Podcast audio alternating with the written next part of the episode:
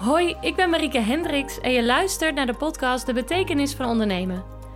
Ik ga in gesprek met ondernemers die al dagelijks impact maken. En ik ben heel nieuwsgierig naar hoe ze dat nou eigenlijk doen. Het praktische en strategische aspect, maar ook hoe ze hier gekomen zijn bijvoorbeeld. En handige tips wat je wel, ja, of juist niet moet doen. Zodat ook jij met betekenis kan gaan ondernemen. Nou, welkom Julian. Heel erg leuk dat je er bent. Dankjewel dat ik er mag zijn. ja, je bent de oprichter van de Nieuwe Gevers. Je bent de oprichter van Fusje. Je bent in 2016 cum laude afgestudeerd, maar al veel eerder begonnen met ondernemen. En wat ik me daarover afvroeg, moest je niet gewoon bier drinken tijdens je studie? Heb ik ook gedaan. ik heb ook zeker bier gedronken. Wees niet bang, wees niet bang. Ehm, ja, uh, dit is wel grappig dat je dat zo zegt. Want eigenlijk is dat bij mij nooit echt een. Uh, op de middelbare school, uh, of nou eigenlijk op de basisschool, was ik best wel een rebel. Zeg maar. Ik ben nog steeds wel. Ik was heel druk en ik zat tegen ADHD aan. En. Um, weet je, dus ik was altijd soort van een beetje aan het pushen. En mijn ouders dachten, oh, weet je, school, dat is die jongen, dat is niet echt voor hem besteed. Weet je, ik zat altijd op de gang. En op een of andere manier, toen ik naar de middelbare school ging, toen ging bij mij een soort van de knop om. En toen ben ik eigenlijk altijd gewoon wel gedreven geweest of zo. Mijn ouders hebben me nooit echt uh, moeten pushen om mijn huiswerk te doen. En uh, ik, weet je, het was eigenlijk, dat ging me allemaal heel soepel af. En um, op een gegeven moment ook toen ik de, mijn HBO ging doen, toen eigenlijk ook in één reeks gewoon gedreven. En op een gegeven moment ja, kwamen er allemaal kansen. En mijn vader zelf is een beetje ondernemer. En um, ik weet, ik heb, bij mij is nooit echt een soort van bewuste keuze geweest van oké, ik moet bier drinken of moet zus doen. En als ik iets wilde gaan doen, ging ik dat gewoon doen. Weet je, vond ik dat gewoon leuk.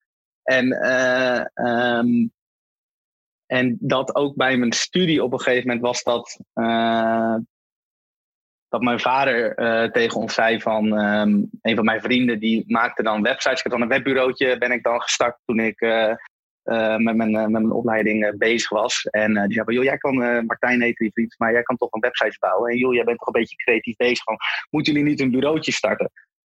Ik zei nou, goed idee eigenlijk. dus zaten op de bank en toen zijn we dat gaan doen.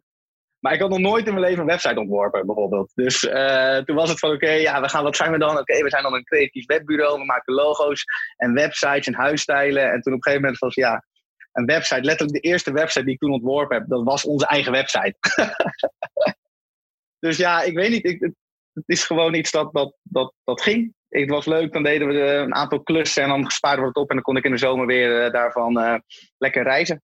Dus ik, het is niet zo dat ik alles heb opgegeven om ondernemer te zijn hoor. Dat was gewoon iets dat, dat ging er, dat paste er goed bij, als het ware. Dus um, ik heb, ik heb zeker ook, uh, er was een cafeetje bij ons op, het, uh, op, de, op, de, op, de, op de, zeg maar bij de, bij de hogeschool. En die, uh, daar heb ik ook vaak genoeg een biertje gedronken. Dus wees niet bang, wees niet bang. nou, je bent super jong. Ja, nou. Hoe oud ben je eigenlijk? Ja, ik ben 25. 25 ja. Kwart eeuw.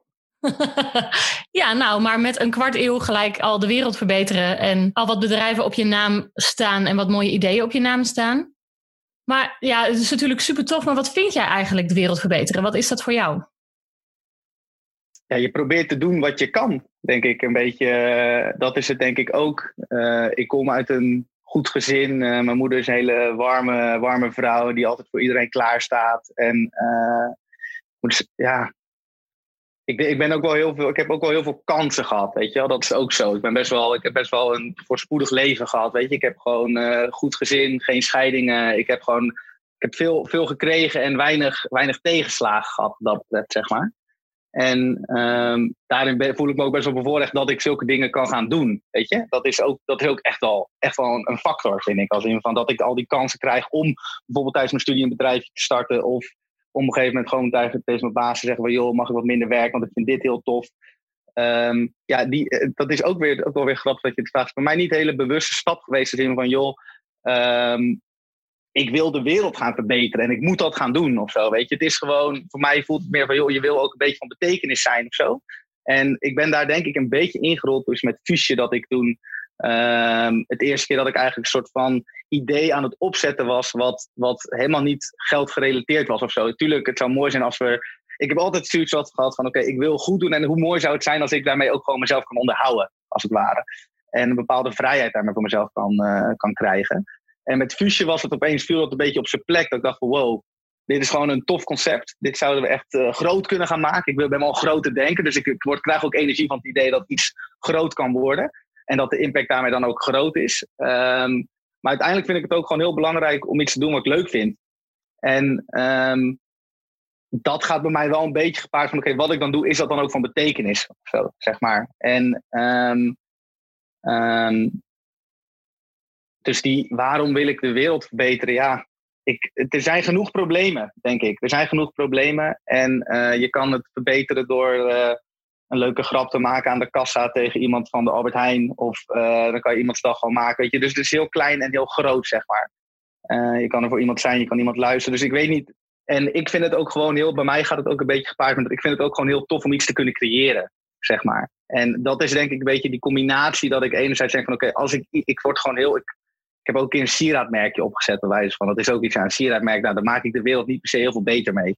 Uh, het was wel het idee om iemand dan in het zonnetje te zetten. Dus dat je wat aandacht hebt voor iemand. Dus dat, uh, daar kan je het dan wel weer mee, uh, weet je wel, voor impacten. Als sommige mensen alles een sociale missie proberen te geven. maar ik vond het gewoon heel leuk om dat te maken. Weet je? Ik vond het gewoon heel leuk om daarin te duiken, om dat te creëren. En ja, als ik dat kan combineren met iets dat, dat wat andere mensen ook inspireert om goed te doen, dan krijg ik er eigenlijk alleen maar meer energie van, denk ik. En je noemde net Fusje al. Wat is het? Ja, Fusje dat is een... Um, noem het zelf als een soort Happy Meal doosje om een, uh, om een, uh, om een infuuspaal. Nee, uh, ja, Fusje dat is een idee dat is ontstaan samen met Edward. Die, die heeft helaas een, een nare ervaring dat zijn moeder ernstig ziek werd. En die dacht van, joh, ik wil wat doen. Weet je, ik ben niet medisch onderlegd. Edward is ook echt een ras ondernemer. En die dacht, oké, hoe kan ik nou iets gaan doen? En medisch gezien kan die zijn moeder niet helpen. Maar ik dacht, ja, ik kan misschien de omgeving wel wat leuker maken. En dat een katheterzak had zij. En toen dacht ik, joh, toen is hij naar de HEMA gaan, kustsloopje gekocht. En die heeft hij toen om die katheterzak heen gehangen. Want die moeder die liep overal met die katheterzak over de afdeling. Maar op een gegeven moment ook buiten, uit eten. Uh, toen dacht ik, ja, kan ik dat niet mooier maken? En toen had hij dat voor zijn moeder gemaakt. En toen liep die moeder echt soort van te stralen over die afdeling heen. Dus kijk eens wat mijn, uh, wat mijn zoon heeft gemaakt. En uh, toen kwam hij eigenlijk op het idee van, joh, kunnen we dit niet voor veel meer mensen doen, weet je? Het is een klein, klein dingetje, ik eigenlijk wilde net zeggen, dat bij de Albert Heijn iemand proberen op te vrolijken. Het is een klein momentje. Uh, maar dat kan dus wel, en opeens als daar met ontwerpen een andere vorm aangegeven wordt, opeens van een hele andere, heel ander karakter krijgen, zeg maar. En toen is eigenlijk fusie ontstaan. Toen hebben we gekeken van, oké, nou, wie hebben dit nou, wie hebben nou best wel een probleem? En dat zijn ook veel kinderen die in, in fus eng vinden. Uh, sowieso heel het ziekenhuisbezoek is heel eng voor kinderen. Um, kunnen we dat moment niet net wat leuker maken? Zeg maar? Kunnen we daar net niet iets tofs van maken? En toen hebben we eigenlijk een, een, een cover ontwikkeld. Eerst hadden we het idee om helemaal een plastic moeilijk ding. En toen hadden we, moesten we 10.000 euro uitgeven en naar China om daar uh, bewijs van iets van te maken. Um, en toen zaten we in een, uh, in een, in een restaurant. Ja, het is allemaal wel lastig en we hebben al dat geld helemaal niet. En toen had ik een menukaart in mijn hand. En ik zei van, joh, kunnen we er niet gewoon iets van een soort van papiertje omheen hangen, weet je? Dat het gewoon, dan kunnen we in ieder geval starten. Dan hoeven we niet uh, al dat geld uit te geven, dat hebben we niet eens. En dan kunnen we wel gewoon beginnen. En toen hebben we eigenlijk een, ja, gewoon zelf met, ook weer met houtje touwtje, hebben we eigenlijk een idee bedacht. En toen nog met wel nog een ontwerper daarna gekeken. En hebben we een soort, ja, het is eigenlijk een, een bepaald, bepaalde papiervorm die je op een manier over een infuus kan heen hangen. Waardoor een uh, zorgmedewerker nog steeds wel achter het infuus kan om te kijken of die ook goed doorloopt. Um, en aan de voorkant is het eigenlijk ja, een leuk cadeautje voor het kind. Dus aan de voorkant staan illustraties. Uh, dat is een beetje verschillend van echt uh, kinderen naar wat meer tieners. Uh, daar zitten natuurlijk allerlei de, leeftijdsverschillen. En wat iemand leuk vindt is enorm groot. We hebben verschillende type ontwerpen. En de voorkant is eigenlijk ja, bijvoorbeeld bij tieners meer emojis. weet je wel, een leuke emoji. En aan de achterkant hebben we dan allemaal dilemma's bedacht bijvoorbeeld. Dus eigenlijk de achterkant is allerlei afleiding voor voor het kind als die in het ziekenhuis is, dat eigenlijk helemaal niks met het ziekenhuis te maken heeft. Dus bij echt kleinere kinderen van, joh, wat is je lievelingseten? Uh, weet je, een kleurplaat bijvoorbeeld, of een soort woordzoeker, weet je, zulke soort dingen. Uh, en bij wat meer tieners zijn dat wat meer, ja, ook, ook wat meer dilemma's. Bijvoorbeeld, oké, je moet de hele dag met een, uh, met een lama achter je aanlopen. Of je hebt een hengel met een vestgevangen gevangen vis. weet je, dus er zijn allemaal van die leuke, beetje grappige twistjes. En um, dat is eigenlijk Fusion. En daar hebben we een beetje een, daar hebben we toen op een gegeven moment een soort start-up competitie mee gewonnen bij het Nationaal Nederland, wat ook een enorme boost heeft gegeven omdat we toen moesten onszelf filmen en uh, toen kregen we zo'n camera in onze hand. Toen moesten we heel awkward, moesten we alles gaan, gaan vloggen. En toen hebben we met Vice hebben we daar een soort van mini-doopje gemaakt van vier, vier, vier afleveringen. En um, ja, supermooi, supermooi initiatief. Zijn we ook best wel landelijk, best wel bekend geworden. Dus we hebben opeens heel veel aanvragen gekregen. Dus we liggen, we hebben nu ondertussen iets meer dan 10.000 kinderen of zo hebben nu denk ik wel een fusje voorbij zien komen. En ja, de berichten die we dan terugkrijgen zijn ook super mooi, weet je, als in van. Daar ben je dan gewoon een jaar mee bezig, weet je, met zo'n project. En op een gegeven moment kom je er dan ook wel weer ver van af te staan, zeg maar. Weet je, want je bent niet in het ziekenhuis altijd aanwezig. En je bent niet meer uh, met de moeder of met een kind of altijd ermee in gesprek, want het product is klaar. Maar gelukkig hebben, nemen ouders nog, ons, nog wel de tijd om ons dan een, een mailtje te sturen of zo. Weet je, er zat een keer een, een moeder van een jongen die had, die had kanker en die, die moest best wel vaak, uh, weet je wel, ook uh, de, zeg maar het ziekenhuis in. En die had ons gewoon echt een heel, heel verhaal gemaild als in van joh, echt bedankt. Weet je, hij vindt het altijd een spannend moment. Maar nu met Fusje moest hij de operatiekamer in. En was hij helemaal met de verpleegster zeg maar, over die dilemma's aan het hebben en zo. Weet je, dat is echt super tof om, uh, super tof om te zien. Um, dus dat was eigenlijk een van de eerste keren om, om ook. Um, want ik ben zelf eigenlijk meer een ontwerper. Eigenlijk, ja, ontwerper noem mezelf ook soms meer kunstenaar. Ik haat het als mensen feedback geven op iets wat, esthetisch. Uh, dus ik zeg, nou, ik ben eigenlijk meer kunstenaar. Als ik het mooi vind, vind ik het mooi. Maar meer, ik ben ook meer een product, ja, user experience ontwerper ben ik. Dus ik ben meer bezig met een ervaring. En hoe kan je dat nou, een gebruikservaring, zowel digitaal als offline. Uh, dat is een beetje mijn skillset, als het ware, die ik dan uh, heb ontwikkeld. En uh, dat was de eerste keer dat ik dat echt kon combineren met iets dat de wereld wat mooier maakt, als het ware. Iets wat leuker. En um, dat was een hele toffe ervaring. En die gunde ik eigenlijk iedereen ook. ja, dat snap ik. Ja. En hoeveel ziekenhuizen werken er nu mee? Je noemde al 10.000 kinderen, maar... Poeh, dat zijn er best wel wat. In de, in, destijds hebben we toen iets naar 40. Er zijn, hoeveel ziekenhuizen zijn er in Nederland? 20 volgens mij. We hebben toen op een gegeven moment met 40 ziekenhuizen of zo... hebben we toen allemaal proefpakketjes uh, naartoe gestuurd. En... Uh, structureel gezien zijn er nu volgens mij iets van 15 of 20 ziekenhuizen, volgens mij uit mijn hoofd. Edward die gaat er wat meer over, die, uh, die fusio ook echt gebruiken. En um, dat, dat is enorm leuk. En we proberen dat dan ook, we dat ook, proberen dat dan ook leuker te maken. Dus we hebben dan ook wel eens dat we dan, nou, ziekenhuizen hebben helaas niet altijd geld om het aan te schaffen. Dus dat is ook soms een barrière om, om dat te kunnen doen. Uh, dus hebben we ook wel eens dat we dan bijvoorbeeld met een lokale een lokaal zwembad. Zeg, oké, nou, zij willen een fusje kunnen we, toen op een gegeven moment zaten we met wel een biertje in ons hand. Uh, te denken van, joh, hey, uh, hoe kunnen we dit toffer maken? Dacht, nou, het zou ook tof zijn als zo'n fusje, want dat krijgen ze mee. Kinderen die laten dat ook vaak zien als ze dan, weet je wel, een spreekbeurt moeten doen op school of zo. Weet je, van, ik ben naar het ziekenhuis geweest en weet je, het is een beetje een herinnering. Um, het zou tof zijn als dat een vrijkaartje zou kunnen zijn tot iets leuks. Weet je, dat je iets hebt om naar uit te kijken. Dus toen ging een beetje partner met een soort van lokale bedrijven die dan in de buurt zitten van zo'n ziekenhuis, bijvoorbeeld een zwembad, die dan een, um, een kaartje schenkt aan het kind dat ziek is. Zeg maar, weet je. Dus uh, um, de, de, de, er is altijd nog wel een uitdaging om. Enerzijds ook ziekenhuizen zijn ook wel weer, is ook wel weer zo moeilijk. Weet je, is ook wel weer. Ondanks dat er sommige mensen zijn die het heel tof vinden, zijn er ook best wel wat mensen die uh, ja, verandering is soms lastig. En oké, hoe ga je daarmee om? En uh, ja, weet je, er zijn gewoon best wel wat barrières. En die begrijp ik. Maar ja, dat is soms wel frustrerend. Als je denkt, ja, kom op, weet je. Dat is gewoon, uh, hang het er gewoon overheen, denk ik dan. Het kind vindt het hartstikke leuk, maar dan, ah, moeilijk. is extra handeling. En um, sommige ziekenhuizen zeggen van, joh, ik neem die investering en ik doe het voor het kind, zeg maar. En anderen die zijn er nog wat meer terughoudend in. Dus daar, dat kost ook gewoon tijd. Weet je. Het kost ook gewoon tijd om dat te laten, weet je, een onderdeel te laten zijn van het proces. En hoe zie je de toekomst van Fusje? De, de, de, de droom is dat het het nieuwe gekleurde gips wordt, eigenlijk. Dat is een beetje, zeg maar, vroeger. Uh, uh, weet je, had je gewoon saai gips en toen werd er een kleurtje omheen gedaan. En toen was het een beetje van, joh. Dan zou je ook in het begin denken, wat maakt dat uit? Weet je, het gekleurd gips. En nu is het soort van niet meer weg te denken dat je, dat je geen gekleurd gips kan krijgen. Weet je, dat is heel, anders is het heel erg saai. En ja, weet je. En dat is de droom en de toekomst eigenlijk van Fusje. Um, zijn we wel op zoek naar meer mensen die ons ook kunnen. Kijk, wat ik zeg, ik ben ook, niet zelf druk met de nieuwgevers. Edward is ook, is ook druk met, met allerlei zaken. Dus we zijn ook aan het kijken meer naar een model van oké, hoe kunnen we mensen ook in staat stellen om met ons, want wij hebben nu een soort van heel de infrastructuur wel staan voor fusie. We hebben een drukker, we hebben de designs, we hebben een ontwerper met wie we hebben. Dus we hebben eigenlijk best wel wat staan. Ehm, voor ons is de uitdaging met name, oké, hoe gaan we dit blijven laten groeien? Uh, op het moment ook met, met mensen, andere mensen die ook een soort van met nieuwe energie weer de volgende 20 ziekenhuizen kunnen aansluiten, zeg maar.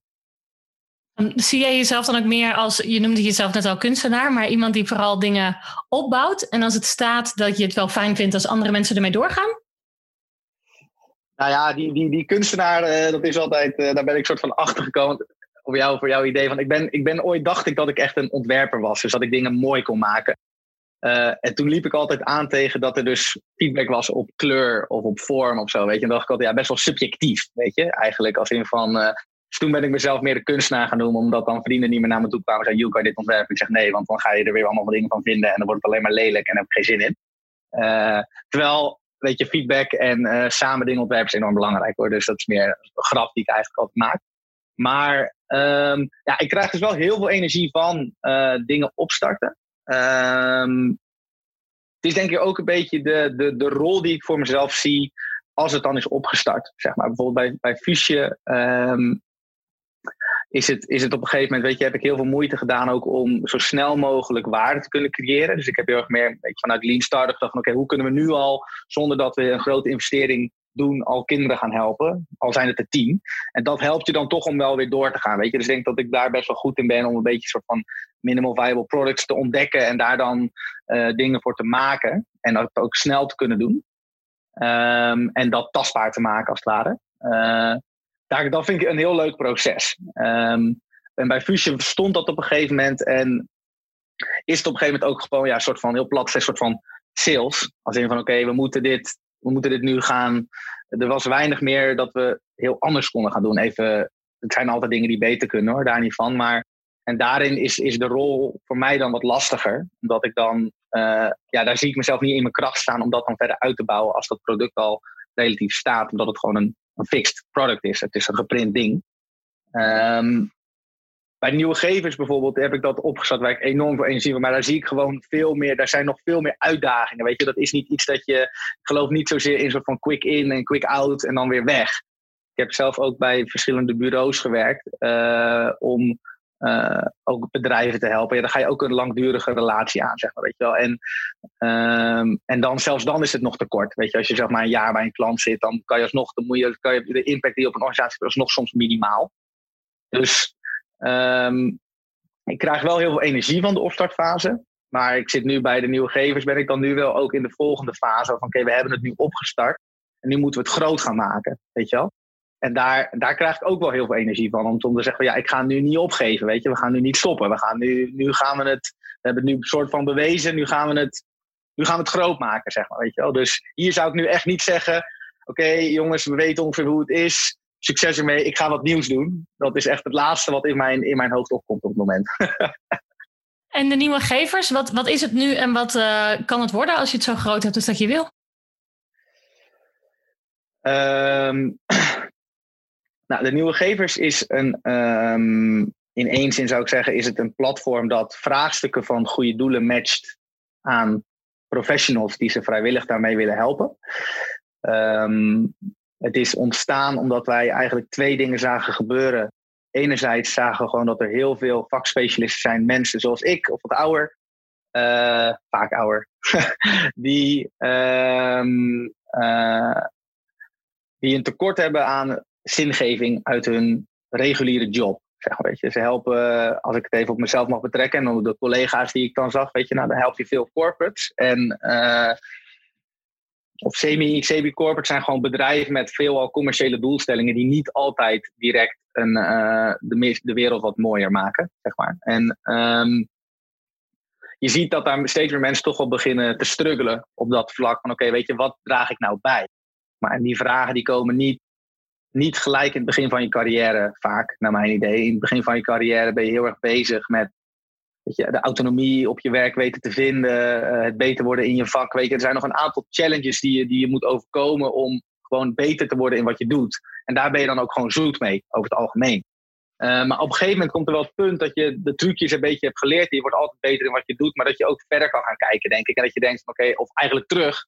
En wat laat ik dan achter, als het ware? Weet je, als ik continu alleen maar bijvoorbeeld klanten ga helpen met commerciële doelstellingen, wat, weet je, wat maakt het uit, weet je, de bullshit jobs, weet je wel, van oké, als ik nu doodga, maar wat, wat laat ik dan achter? Weet je, wat heb ik dan? Heb ik dan iets gedaan dat, dat van belang is? Bijvoorbeeld, uh, ik heb uh, vijf jaar van mijn leven een klant gewerkt. Ik niet hoor, maar die uh, financiële software doet voor X, Y, Z. Zo, weet je. En daar heb je met heel veel passie en heel veel leuke collega's heb je er allemaal dingen aan gedaan. Maar je begint dan soms wel af te vragen van oké, maar does it matter? Zeg maar. En die mensen die, die willen dus echt wat goeds gaan doen met hun, het liefste met hun kennis en kunde als het ware. Maar hebben ook gewoon vaak een gezin of zijn bezig, willen een huis kopen. Weet je, dus de hele shift naar het maatschappelijke domein maken is echt gewoon een grote stap. Dus zij zijn gewoon op zoek naar een manier hoe ze ook met hun skills van waarde kunnen zijn zonder het liefst een baan op te zeggen. En aan de andere kant heb je uh, gewoon heel veel goede doelen. En sociale ondernemingen, maatschappelijke organisaties, initiatieven, gemeenten soms ook, die um, heel veel doelstellingen hebben en de wereld echt beter willen maken. En veelal doen ze dat ook. Maar worden vaak geremd omdat ze ja, geringe budgetten hebben om met bepaalde professionals te werken die hun gewoon echt kunnen versnellen. Weet je, die dingen gewoon echt slimmer, sneller, beter kunnen doen. Waardoor ze gewoon impact maken, dat kunnen ze wel. Maar er zijn ook allerlei vlakken die om impact maken heen zitten, die je beter in staat stellen je missie te bereiken. En dat kan op marketing communicatie zijn, dat kan zijn hoe je je organisatie inricht. Uh, dat kan op allerlei vlakken zijn, want het is niet solo alleen maar uh, een kind helpen. Er zit ook een organisatie vaak omheen die dat moet doen. Um, en daar zagen we op een gegeven moment een soort. Ja, die hebben elkaar wat te geven. Weet je, die ene die mist zingeving en die wil impact maken en die ene partij doet dat. En die ander die mist kennis en kunde, maar die heeft niet het geld, maar die ander wil dat eigenlijk gewoon geven. Toen hebben we daar een platform voor ontwikkeld die eigenlijk die twee partijen met elkaar in contact brengt.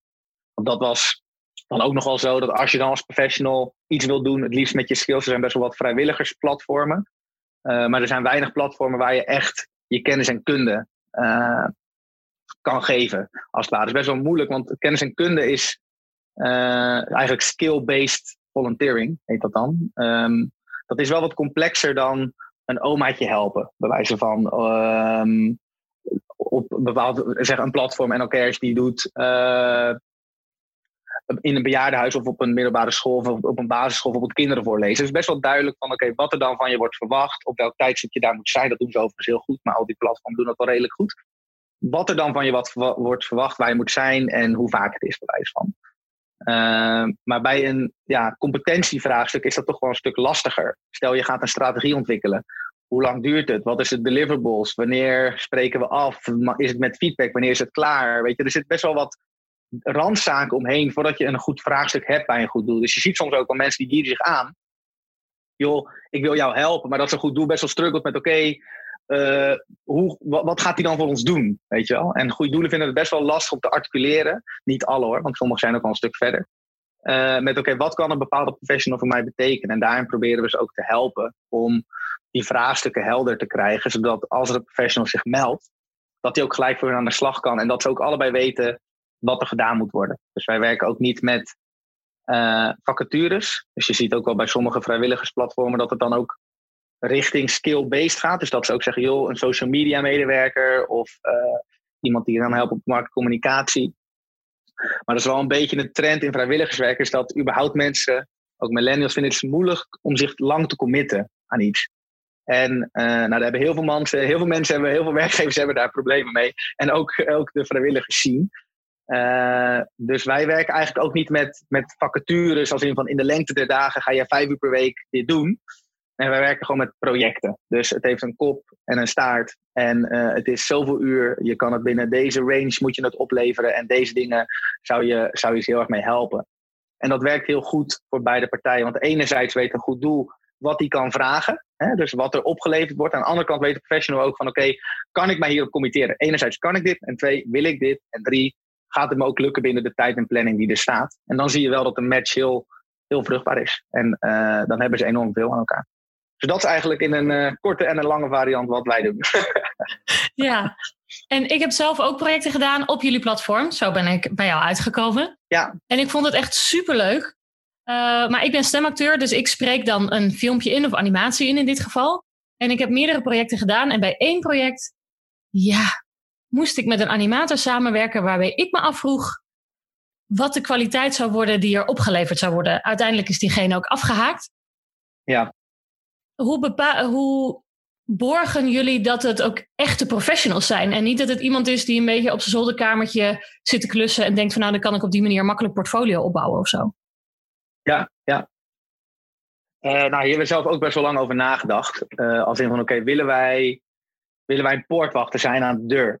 Willen wij moeten besluiten voor mensen of ze wel of niet een professional zijn? En over welke as gaan we dat dan wel of niet doen? Nou ja, je zal zelf nu denk ik ook al denken van nou, dat is nog best wel een lastige klus. Uh, want hoe, hoe bepaal je of iemand wel of niet goed is? En uh, nou, dat, kan, dat kan je wel bepalen aan de hand misschien van portfolio als je een designer bent.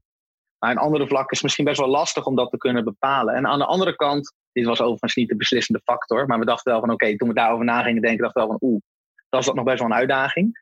Um, en aan de andere kant willen wij eigenlijk ook een inclusief platform zijn. Kijk, als jij je wil helpen, uh, dan moet je in ieder geval de kans krijgen om je hulp aan te bieden. Zo vinden wij dat dan. En wat onze taak is, vinden wij, uh, want we krijgen natuurlijk ook veel goede doelen die dit aan ons vragen. Hè? Uh, van, joh, hoe borg je, ik neem aan dat jullie de professionals controleren voordat ze, voordat ze bij ons komen. En wij hebben eigenlijk gezegd van, joh, wij vinden dat een, een goede match werkt twee kanten op. Dus een goed doel mag bepalen met wie hij of zij samenwerkt. Ik zou het heel gek vinden als je op Tinder zit en je moeder die bepaalt voor jou met wie je wel of niet gaat daten. Uh, en wij vinden onszelf ook niet in, die in de rol om, om die moeder te zijn die wel of niet bepaalt uh, of iemand goed of slecht is. Of, weet je, dat, is, dat is ook aan de verantwoordelijkheid van die organisatie. Uh, en wij proberen het gewoon zo goed mogelijk die briefing daartussen te zetten. Waar duidelijk de skills worden gevraagd en de uren en de, de gezochte expertise eigenlijk. Waardoor er vaak de juiste professionals zich wel melden bij de juiste klus. En ja, af en toe gebeurt het inderdaad dat een, uh, een, een, een, project uh, spaak loopt, in, in jouw geval. Um, met, die, met die animator. Um, nu was het daar ook zo dat. Um, kijk, uiteindelijk is het ook wel belangrijk dat als een goed doel bij ons aan de slag gaat, dat ze ook echt, ook echt willen. Weet je? Dus ze moeten ook vanuit, vanuit de organisatie ook, ook mogen zo kritisch zijn. Hè? Dus op, of, of een professional wel of niet the right man of the right woman voor de job is. En um, daar ook een voorbeeld van te geven. Ze hadden op een gegeven moment een, um, een, een, een project waarin er twee mensen hadden ingeschreven. En um, eentje was echt medier, die was gewoon echt ervaren. En anderzijds uh, was er een, een, meisje die had, uh, die had uh, MBO gedaan, één jaar werkervaring, was daarna een HBO-opleiding. Dus eigenlijk een soort van zelfstandige junior, echt nog meer junior. En uh, zij had gewoon echt een super goede motivatie geschreven naar die partij.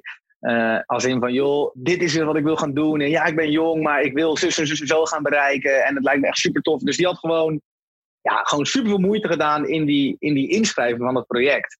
En uiteindelijk is die partij toen gegaan voor haar in plaats van die medier die veel meer ervaring had. En zij heeft dat super met een enorme leuke energie en motivatie opgeleverd.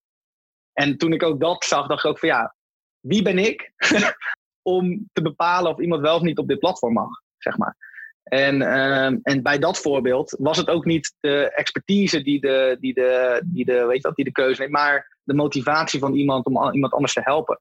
En daar zit ook een bepaalde kracht in, geloof ik. Als in van als jij jong bent en je wil iets bewijzen, nou, misschien lever je dan wel iets veel beters op dan dat je een senior bent en denkt van, nou ja, ik doe het even erbij. Ik zeg niet dat dat zo is, maar. Dus wij hebben eigenlijk daar, zijn we daar geen poortwachter in. En proberen we gewoon te zorgen dat, dat, dat die informatie tussenin zo goed mogelijk is, dat de juiste mensen zich ook melden. En 90% van de gevallen gebeurt dat eigenlijk ook. We zien, je mag altijd een professional ook afwijzen. Dus dat, het, is, het is aan jou als je dat wil. En dat gebeurt eigenlijk zelden. En als het gebeurt, ja, weet je, dan, dan is er of een heel weinig bekend over een professional, of die heeft niet veel moeite gedaan in zijn inschrijving. Nou, dat kan, weet je, dat mag.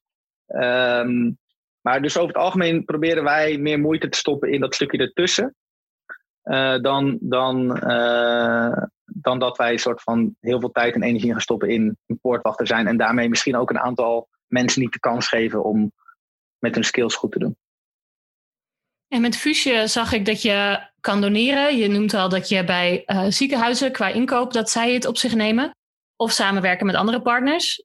Alleen bij de nieuwe gevers, hoe zit het daarbij? Jullie zijn met best wel een team. Ja, zeker. zeker. Ook deels wel ook vrijwillig. Dus uh, mooi, uh, onze missie wordt ook mooi gesteund door, uh, door wat we doen.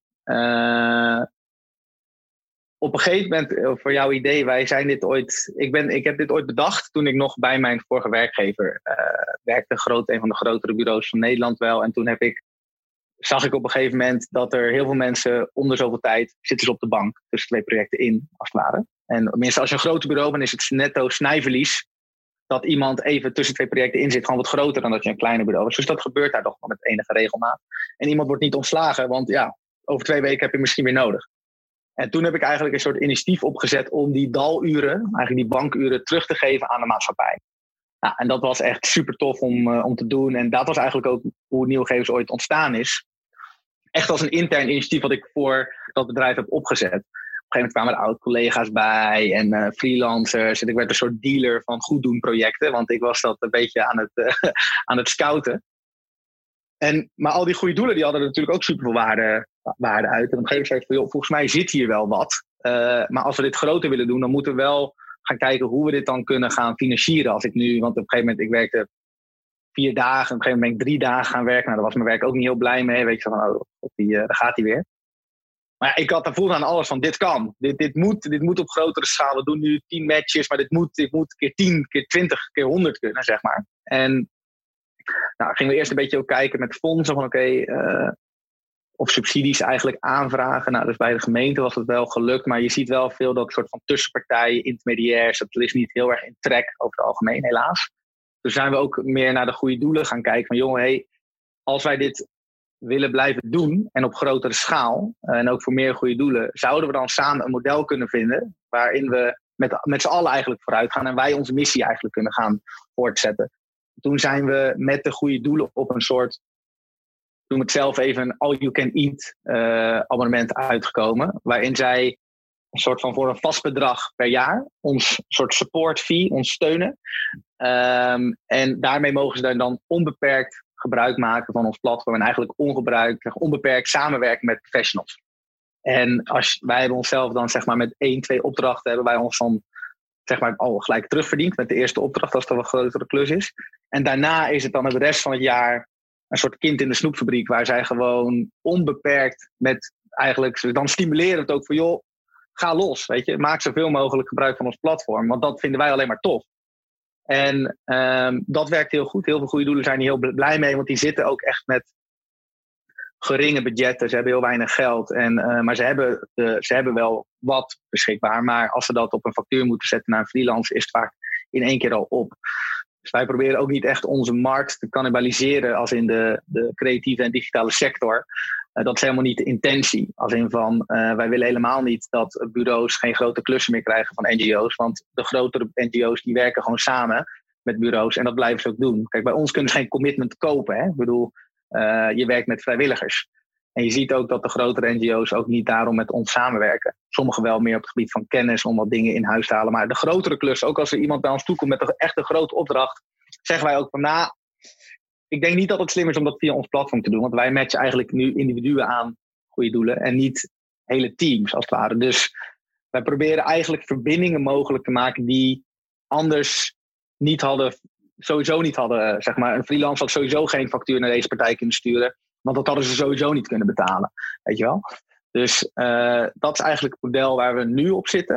Um, daarnaast zijn we ook um, in gesprek met ja, ook met bedrijven, met agencies, om te kijken van joh, um, kunnen we een soort van vrijwilligerswerk met skills op de werkvloer mogelijk maken? Kunnen we die zingeving ook naar jullie toe halen? En daar zijn we wel wat gesprekken nu ook aan het voeren om, uh, om daar ook een soort van businessmodel omheen te hangen. Waarin we de, want uiteindelijk willen we de kosten zo laag mogelijk houden voor de goede doelen natuurlijk.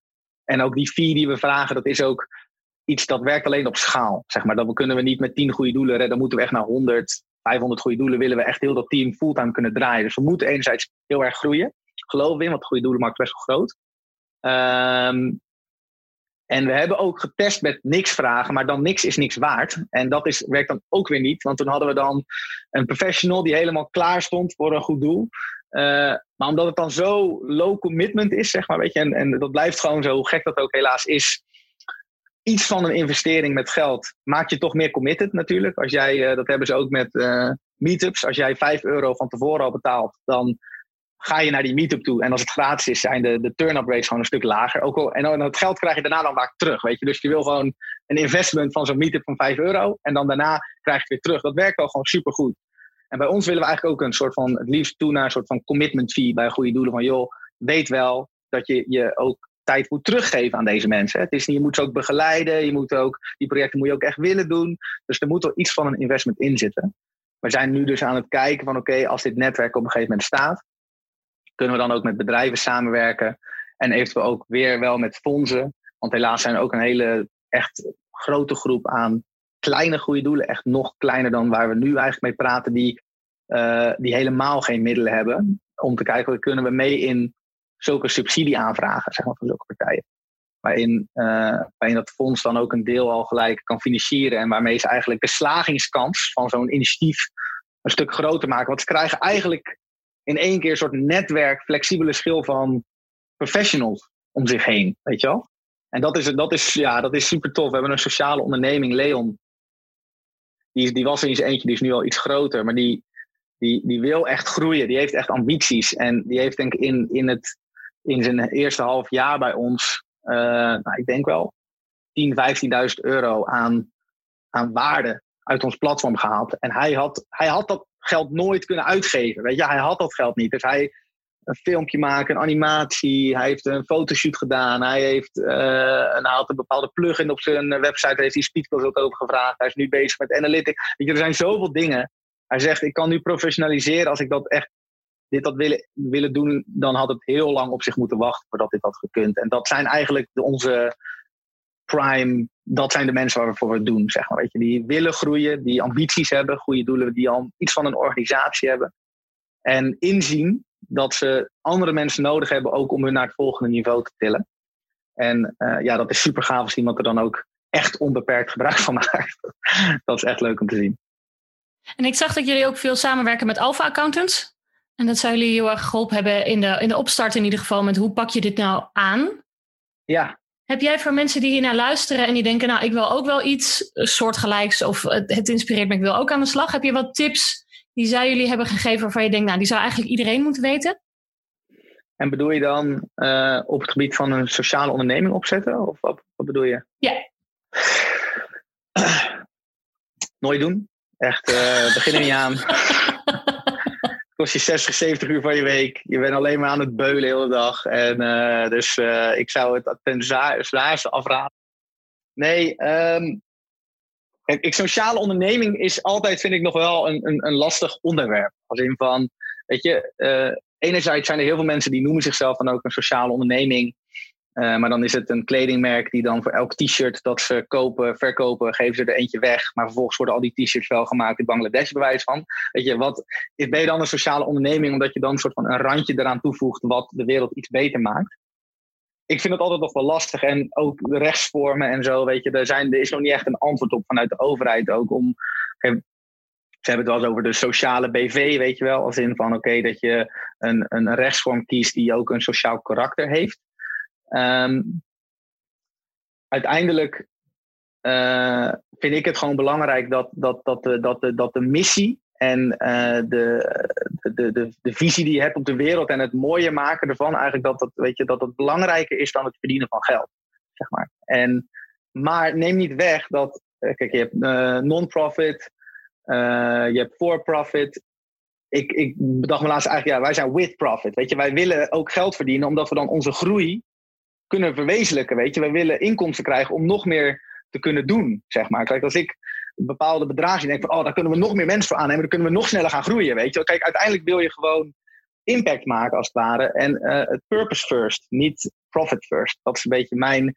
En ja, en dat kan je dan, dat, dan is het dan vervolgens nog best wel lastig. Maar hoe vertaal je dat dan ook naar een onderneming toe, als het ware? Kijk, met de nieuwe gevers hebben we bijvoorbeeld een sociale... Uh, wij zijn dan een sociale onderneming waarin we een BV hebben waar we eigenlijk gewoon, ja, we zijn echt een onderneming aan het opzetten. Hè? Dus we hebben echt een platform, we hebben developers, we hebben allemaal mensen in dienst. We zijn al echt een organisatie. Ehm, maar anderzijds hebben we ook een stichting. En dat is dan de Nieuwe Gever Stichting. Uh, nou, daar zijn we nu, kunnen we daar nog niet heel veel. En eigenlijk die, die stichting die heeft aandelen van de BV bijvoorbeeld. En die, uh, als er dan winst, winst is, dan vloeit dat door naar die stichting. En die stichting die kan daar allerlei dingen mee gaan doen. En onze missie over het algemeen is eigenlijk dat we zeggen: oké, wij willen eigenlijk drie pijlers. We willen mensen, kennis en kunde op alle mogelijke manieren met elkaar verbinden, waardoor de wereld net wat mooier wordt dan gisteren, als het ware. En, dat, dat kan, en daar is het platform eigenlijk één uiting van. Hè? Dus het één op één matchen van goede doelen aan, aan professionals die ze kunnen helpen. Maar je kan nog zoveel meer dingen bedenken uh, waarmee, je, waarmee je mensen, kennis en kunnen met, met elkaar in contact brengt, waardoor het gemeenschappelijke vooruitgang wordt versneld, als het ware. En um, nu, die stichting is nu een lege huls, want wij verdienen nog helemaal, we, maken nog helemaal geen winst. Dus daar gebeurt nog niet heel veel mee. Uh, we zijn natuurlijk echt in de opstartfase en dat is ook niet uh, vaak wat in het begin gebeurt bij ondernemingen.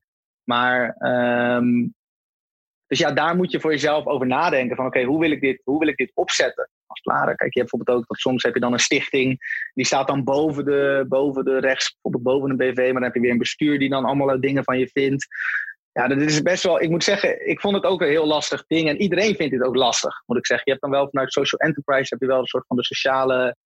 Dan moet je, de soort, soort sociale code. Als in van oké, wat, wat is dat dan? En hoeveel van een soort verdeelsleutels, zulke soort zaken. Ik vind wel dat daar, daar moet wel meer van komen, denk ik, om hier met z'n allen wat over te kunnen roepen. Als het ware. Nu, uh, wat wij doen met die stichting, is dat bijvoorbeeld in een BV kan je niet je sociale karakter kan je daar niet in borgen in de vorm van, statu van statuten, doe je dat vaak. Dus dat, je daar, dat je dat dan ook moet doen. Zeg maar, dat kan je niet in een BV, kan je dat, tenminste dat heeft Alfa ook, ons verteld, kan je dat daar niet in verwerken. En in een stichting heb je statuten en die moet je gewoon naleven, als het ware. En dit was een vorm vanuit hun die zij ons hebben aangedaan oké, nou als je dan een stichting hebt waar je dan die missie mee borgt in je statuten en je laat die dan ook bijvoorbeeld via aandelen dan ook weer onderdeel zijn van de BV, dan veranker je dat eigenlijk een beetje met elkaar, wat anders niet had gekund. Dat is een vorm die je kan kiezen. Um, maar er zijn zoveel vormen die je kan kiezen. Dus ik ben, maar moet ik zeggen, ik ben hier dus ook geen, geen, um, geen expert in. En uh, persoonlijk vind ik het ook het minst leuke deel. Als in van, uh, ik wil gewoon gaan. Weet je, ik wil gewoon dingen doen. En andere mensen zeggen, ja, ja, maar wat nou als je later. Zo, ja, ik snap dat ook al. Het zijn allemaal terechte vragen. Maar ja, ik ben niet bezig met later. Ik ben nu bezig met dit. uh, dus ik ben wel blij dat we nu deze setup hebben. Het voelt goed voor nu. Uh, als in van het, het, borgt wat we willen borgen. Um, en we zijn eigenlijk met name gewoon bezig om nu. zijn naar mij een beetje een soort van randzaken. Weet je, ik wil gewoon nieuwe gevers groot, groot laten worden. En uh, meer mensen met meer mensen in contact laten stellen en andere soort zaken. Ja, dan is het fijn dat je gewoon iemand hebt die dat soort vervelende, saaie, belangrijke dingen voor je fixt. Wij worden heel goed geholpen door hen. Met name als je luistert, Kees, bedankt voor alle, voor alle hulp die je ons uh, hebt gegeven. ja, top. Dan ben ik aangekomen bij mijn laatste vraag. En we hadden vandaag best wel een, uh, praktisch, ja, de, eh, concreet, concrete voorbeelden heel veel. Dus hij staat nu een beetje haaks op de rest van het gesprek. Maar ik ben wel heel benieuwd, want je kijkt wel anders naar heel veel dingen. En de laatste vraag is namelijk: welke waarheid spreek je tegen? Het kan een waarheid zijn over het ondernemen, over het leven, over goede doelen. Wat, sorry, kan je deze vraag iets meer toelichten? ik snap het nog niet helemaal. welke waarheid spreek ik tegen? Ja. Als in wat een algemeen goed is. Ja. Jeetje Marieke, wat een vraag. Dank je. um, nou, Um, een van de dingen, maar die, dat is dan nu eigenlijk al een beetje aan het shiften. En ik denk dat Rutger Bregman daar ook een hele mooie, heel mooi boek over schreef. De meeste mensen deugen. Dus dat kom ik dan nu een beetje, dat is dan nu niet meer waar, omdat het dan nu alweer de nieuwe waarheid misschien is. Maar ik, ik geloof ook echt wel dat, dat mensen oprecht goed zijn, weet je. En dat ze goede dingen willen doen. En uh, over het algemeen is het mensbeeld best wel negatief natuurlijk. En hij bewijst bijvoorbeeld in zijn boek dat dat eigenlijk helemaal niet zo is. En ehm, hij heeft dat boek en ik denk dat dat een enorm goed deel is. Wat hij zegt ook in, in zijn begin zegt van de mens. Wat zegt hij nou? De mens doet. Uh, de mens handelt zoals je, als je laat zien hoe die is, weet je wel. En uh, we hebben best wel een negatief beeld over hoe mensen handelen als er crisis uitbreekt. Hoe dingen, iedereen free for all en allemaal zulke soort zaken. En um, met de nieuwe gegevens heb ik het idee dat ik een beetje aan de frontlinie sta van oké, maar wat gebeurt er nou als er daadwerkelijk dingen fout gaan, weet je? En uh, even als je dan kijkt naar bijvoorbeeld de coronacrisis, enorm, iedereen had ook, nou dat begon even zo met uh, stapels en stapels wc-papier, die, uh, ik heb ze overigens hier staan, maar ik heb het zelf ook gedaan. nee, maar um, wij hebben echt een enorme boost gezien in, in dat andere mensen willen helpen, weet je. En um, die waarheid zou ik wel een beetje willen tegenspreken. Als in van, oké, nou, volgens mij zijn we zo slecht nog niet, weet je. En um, uh, sterker nog, als, ik die wa als, als, als dat zo zou zijn, uh, mensen zeggen ook, ja, maar waarom zouden mensen dit doen? Weet je, waarom zouden mensen goede doelen helpen? Dat is even dan een basale. Weet je, ja, we zitten in een bepaalde bubbel met z'n tweeën ook, denk ik. Als in van, ja, tuurlijk willen mensen dat doen. En tuurlijk vinden mensen dat belangrijk. Maar als je echt een taart pakt, denk ik, van de samenleving. En je kijkt naar alle lagen. En je vraagt aan iedereen van, oké, zouden mensen dit doen? Zullen niet iedereen misschien zeggen, ja. En ik krijg, voor niks krijg ik daar niks voor terug. Weet je, wat is mijn, wat is mijn incentive om iemand anders te helpen? Um, dus dat is wel even, en daar is eigenlijk heel de nieuwe gegevens op gebaseerd. Weet je, dat we goed willen doen. En ook dat het beter kan. Weet je, dat geloof ik zelf ook echt heel erg. Dat, dat, dat het nog niet over is. Weet je, uh, dat als we met z'n allen de, de schouders onderzetten, dat het ook echt beter gaat worden. En uh, dat is iets dat mij denk ik ook wel drijft als in van oké, ik, ik geloof ook dat dat zo is. En uh, dat geeft mij denk ik ook de kracht om gewoon lekker door te blijven gaan met dit geheel. En telkens als er weer een match is. Kijk, af en toe hebben we zo'n mailbox waar kandidaten zich inschrijven. Zeg maar telkens, ik kijk er elke dag en dan heeft hij weer ingeschreven. En dan word ik gewoon weer blij. Weet je, dan denk ik van ja, dat is wel weer één persoon die zegt van joh, ik ga iemand helpen. Zonder dat ik daar gelijk iets voor terug hoef, zeg maar. Weet je? En dat is denk ik mijn grootste, uh, wel mijn grootste waarheid die misschien die ik tegenspreek met de nieuwgevers. Tof. Of is dat een, uh, is dat een open deur voor jou? Uh, nee, nee. Het laat vooral zien hoe jij erin zit, denk ik. En, en wat voor jou heel belangrijk is. En de meeste mensen deugen. Dat is toch, ja, vind ik een hele fijne manier om in het leven te staan. Maar ja. Wij zitten inderdaad wel een beetje in dezelfde bubbel. Wij zitten in dezelfde bubbel, inderdaad. En, um... maar ja, kijk, weet je, dat is bijvoorbeeld wat ik ook wel, ook wel weer leuk vind, is dat um, bijvoorbeeld wat wij doen elke dag, met, dat was ik ook laatst met iemand anders in gesprek, van kijk, bijvoorbeeld vrijwilligerswerk is best wel een latente, latente behoefte, weet je? Je, je. Iedereen heeft het er altijd wel over, van lijkt me leuk om te doen, maar ik moet echt naar jou toe komen, weet je? En je moet echt getriggerd worden om het te doen. En um, ik, ik geloof er ook echt oprecht in dat bijvoorbeeld met humor en uh, dingen uh, wat leuker maken, wat lichter maken. Nieuwgevers is een beetje ook een, een uiting van mij, hoe, ik, hoe ik ben, denk ik. Uh, qua um, dat het ook allemaal niet zo zwaar hoeft te zijn, weet je. En ja, de wereld is, heeft zijn problemen. En ja, het is serieus. En dat wil ik ook helemaal niet zeggen dat het niet zo is. Maar neem niet weg dat door, doordat we het allemaal weet je, ook bijvoorbeeld met zo'n service, die, wij zijn gewoon een van de services die proberen de wereld wat, wat leuker te maken, wat mooier. Maar ook door dat wel op zo'n manier in te richten dat het, dat het ook leuk is, weet je. Dat je, dat het ook, dat je met gifjes en met plaatjes en weet ik wat, dat zijn hele kleine dingetjes. Maar daarom vinden mensen wel tof, weet je. En uh, daar zetten we ook best wel op in, als in van, ja, weet je, je kan ook afvragen, joh, wat maakt dat uit, weet je. Dat, uh, dat het een, uh, weet je, wij, proberen het weer een beetje hip te maken. En daar geloof ik dan zelf ook wel weer in van, je moet het ook wel proberen. Vandaag de dag moet je ook wel er weer een beetje bovenuit gaan stijgen, zeg maar. Weet je. En dat is ook iets wat wij proberen met. Vrijwilligerswerk is niet, is niet stoffig. Dus het kan weer hip worden. En dat is een beetje waar wij, eh, waar wij heel, heel druk mee bezig zijn, dag in dag uit. Ja, nou, hip vrijwilligerswerk. Wie wil dat nou niet? Wie wil dat nou niet? Klopt, klopt. Ik zou zeggen, voor iedereen die luistert, schrijf je vooral in voor de nieuwe gevers. Check Fuusje, kijk hoe je kan helpen, want het zijn hele mooie dingen. Dankjewel voor alles wat je doet, voor alles wat er nog gaat komen. En heel erg bedankt voor dit gesprek. Nou, jou ook bedankt. Dankjewel dat ik even mocht komen en eh, wat dingen mocht zeggen. Super, graag gedaan. Nou, dan ehm, tot de volgende keer weer.